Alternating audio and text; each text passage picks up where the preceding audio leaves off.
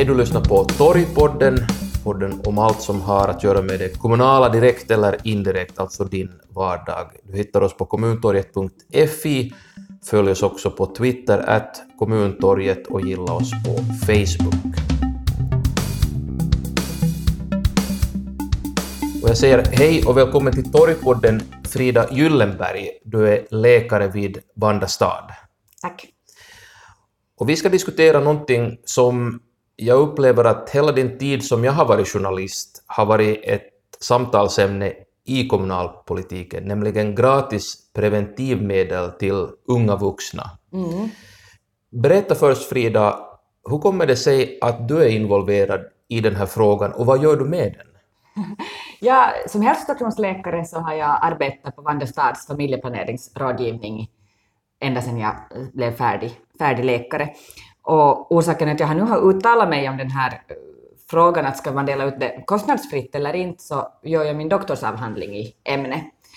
För det är så att år 2013 så bestämde ledarna i Vanda stad att alla kvinnor i Vanda får sin första långverkande preventionsmetod gratis. Mm. Och de här långverkande metoderna är spiraler och kapslar, som är alltså sådana metoder som uh, man inte måste komma ihåg varje dag, utan mm. man går till en läkare för att få dem insatta och en läkare tar dem ut, men däremellan så är det ganska uh, avslappnade dagar, man behöver inte själv komma ihåg något.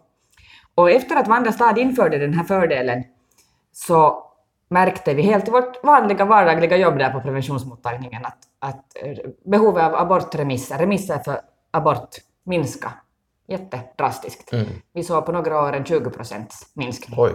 Och då, då tändes då frågan att är det här sant eller är det bara en statistisk bubbla att antalet går upp och ner och, och man ska inte dra för snabba slutsatser. Så.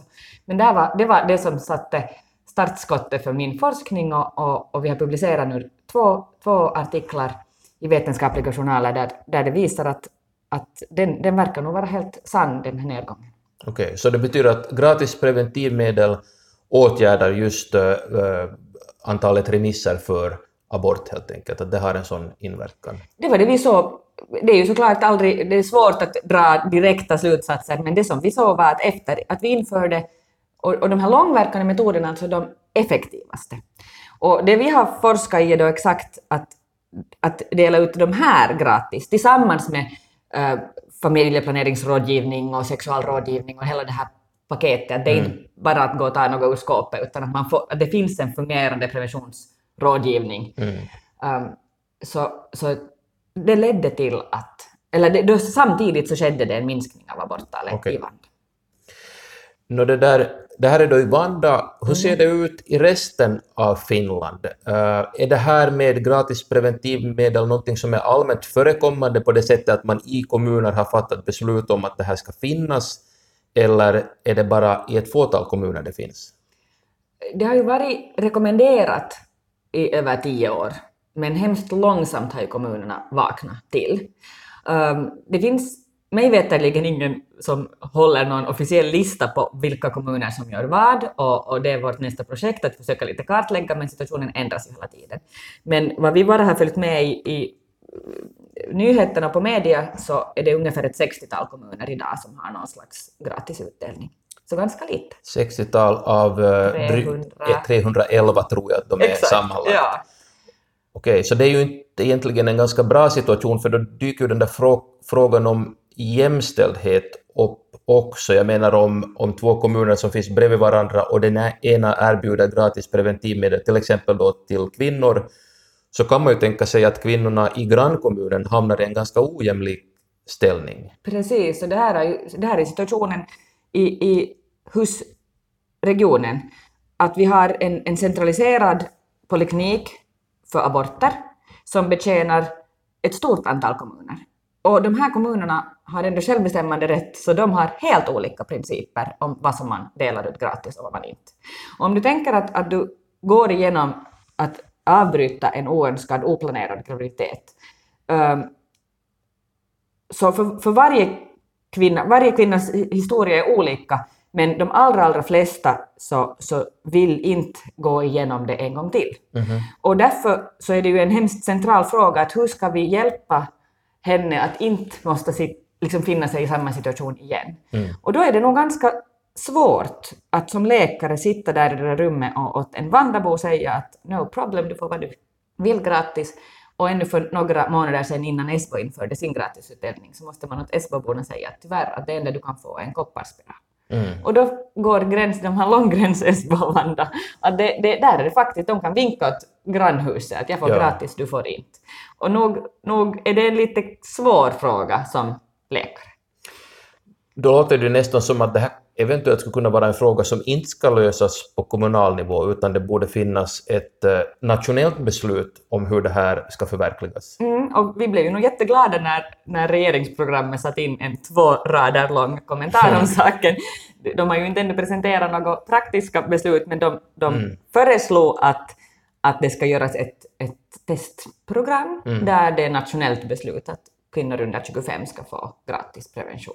Just det, ja. Men det där, där kommer ju sen då frågan att vad är det här gratis prevention? Som sagt, det finns många olika metoder och, och vi har från Finland forskning om, om endast de långverkande metoderna och endast inverkan på oönskade graviditeter. Ehm, det finns massor annat man kan påverka. Eh, om du inte behöver vara rädd för en oönskad graviditet så utgår jag från att sexlivet är bättre, man är mer avslappnad. Det, det kommer många positiva saker med att förebygga graviditet. Och genom att inkludera kondomer så får vi också dels annat än heterosex inkluderat och, och förhindrande av att sjuk, könssjukdomar sprids. Att, äh, och sen, som jag ser det, skulle det inte... Det är det som är kanske det problematiska, att om regeringen ger, ger medel för, för bara metoderna, så det löser kanske inte ännu någonting, utan nu, nu, nu skulle det ju krävas en helhetslösning med just sexual och familjeplaneringsrådgivning. Och det står också inskrivet redan länge att, att kommunerna har ansvar att erbjuda. Men, men finns det någon organ som följer upp? Jag menar, kommunerna har massor på sitt bord och jag, jag, jag, jag pekar inga fingrar. Men tanken bara om att, att, att preventivmedel har biverkningar som det också diskuterats jättemycket om och, och en, en del allvarliga, de har andra nyttoeffekter än bara att förebygga graviditeter. Det är ganska stora frågor och stora beslut och, och nu borde det finnas då en, en instans, en rådgivning där man får diskutera igenom det. Mm. Så det handlar inte bara om enskilda preventivmedel utan om ett större paket så att säga som kommunerna ska kunna erbjuda gratis till eh, de som vill ta emot ett sånt. Ja, och det där med gratis familjeplan, att det själva besöket ska vara kostnadsfritt, Ja. så det står helt i lagen Ja. och det fullföljs hoppeligen mm. nog. Um, sen det, men det finns, det är ju ett oändligt område att, att börjar man gå in och fundera vad allt som ska erbjudas så nu är det ju såklart så att det är kommunen själv som, som planerar sina hälsovårdstjänster. Att, att jag vet inte vad regeringen har där, hu- hur det skulle se ut ett sånt här påbud, att alla måste erbjuda någonting Ja. gratis. Eh, Du pratar om de eh, positiva effekterna av att gå in för någonting sånt här. Ofta i sådana här diskussionerna så måste man ju ta upp argument som har att göra med det krasst ekonomiska. Att erbjuda gratis preventivmedel, har det så att säga en ekonomisk nytta också? Det såg vi i Vanda, att under 25-åringar, så om, om vi bara mäter eh, kostnaden för den själva liksom, metoden, den fysiska spiralen eller p-staven, och mäter vad Vanda stad betalar åt hus för en abort. Så för under 25-åringar så var den, det där lönsam. Mhm, Särskilt för 15 till 19 Okej. Eh, Men där igen så mäter vi då bara kostnaden för en abort och, och det, vi hade ett fungerande nätverk av preventivrådgivningar och kunniga läkare och kunnig personal. Att om man skulle måste starta upp helt från noll så skulle situationen kunna vara en annan. Men det där men det att, att där mäter vi endast och enbart de här aborterna, att, att nu hoppas jag såklart att också psykiskt välbefinnande och Ja. välhälsa bland unga skulle väga, fast det är svårare att mäta i pengar. Mm. Men vi vet inte vad som händer med den psykiska hälsan efter en, en oönskad graviditet och, och det där så vidare. Att, att bara mäta det i euro är ju nog ett hemskt krasst Men, mått. men det är just rimligt att anta att här finns så att säga goda sociala effekter också av ett sån här precis. åtgärd. Precis. Och det, att, att om man... ehm, det att det ändå gav en positiv ekonomisk effekt också. fast, så att, fast det inte, jag aldrig vill ha det som mitt största argument så inser jag ju nog att på kommunpolitisk nivå så är det en fråga som kommer emot. Så, så där så, så är det ju i alla fall att dela ut de här mest effektiva metoderna, så, så är det nog svårt att, att säga att det blir för dyrt. Just det. Um, jag nämnde att det här är en fråga som jag har stött på när jag bevakat kommunalpolitik mm. under åren. Ofta har det då varit i formen av ska vi erbjuda gratis kondomer eller inte? Mm. Nu pratar ju du om ett betydligt bredare liksom, paket egentligen ja. när det handlar om, om preventivmedel. Men just den här åldersgränsen, alltså man pratar ofta om unga under 25. Mm. Är det liksom en rimlig åldersgräns? Eh, varför drar man den just där? Det är ju helt omöjligt att ställa fast. Jag tycker personligen att den är, vilka som helst åldersgränser är problematiska för att den kronologiska åldern och den ekonomiska kapaciteten och den psykiska situationen, jag, jag säger inte något linjärt samband som alltid för var och en stämmer. Vanda gick alltså in för att erbjuda varje kvinna utan åldersdiskriminering först mm. sin första effektiva långverkande metod gratis. Mm. Tanken att det blir en positiv inkörsport. Mm. Att om du har fått den första gratis, för när de, du kan använda samma spiral i upp till tio år. Mm. Så den är hemskt dyr som engångssatsning, men sen på lång, i det långa loppet blir den betydligt billigare än, än piller och andra metoder.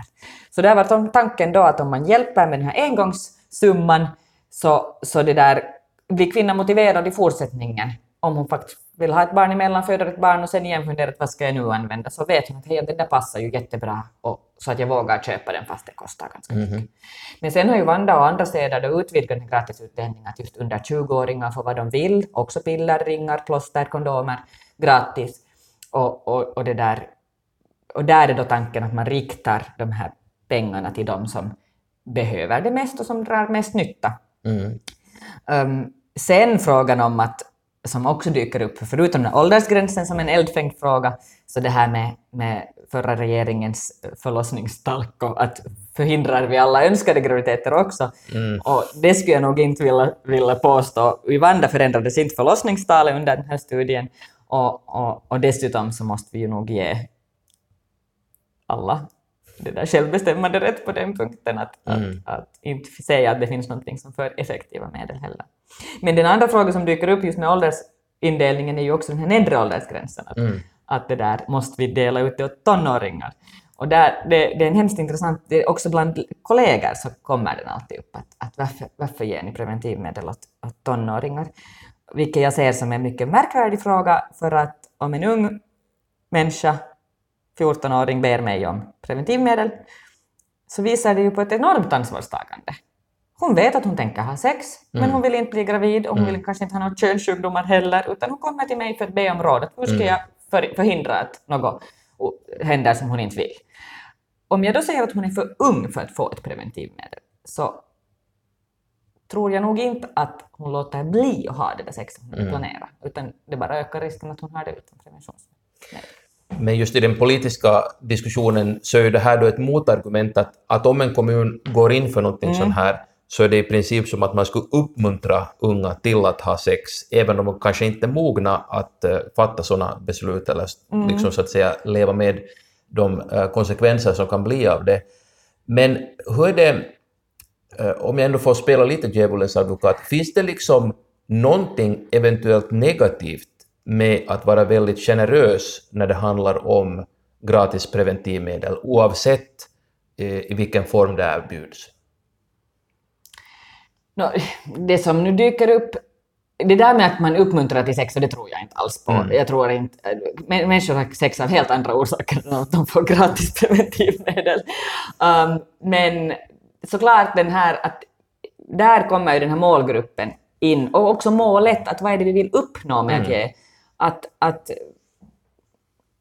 om vi ger alldeles för liberalt så finns det såklart massa människor som skulle ha råd att köpa det själv. Mm. Som, som tar. Som till exempel vad vi såg i Vanda var ju nog att den absoluta mängden spiraler och kapslar som gick åt, så gick till kvinnor över 25. Just det. För de är flest och de har mest sex och de har oftast en parrelation. Att, att i, i liksom absoluta nummer så, så gick det ju nog en massa pengar åt den, i, den arbets, i den gruppen. Och då är det ju en fråga som politikerna måste ställa, att vill man understöda familjeplanering i vuxna familjer. Å andra sidan, så, så det enda abortetal som inte just nu är på sjunkande i Finland är bland de som redan har barn eller har gjort en abort. Och särskilt bland de som har gjort en abort eller fött ett barn inom ett år. Just det. Att det är nog liksom, man kan inte, den så kallade sekundärpreventionen, att då en kvinna redan vet hur man blir gravid, och det, vi kan inte tro att de inte mera behöver stöd och hjälp på traven. Mm. Utan om där, det att du får den gratis och får bra rådgivning, skulle minska risken att råka ut för en, för en oönskad eller Mm. oplanerad graviditet, så, så är det nog också skäl. Därför gillar jag ändå inte den där ålders...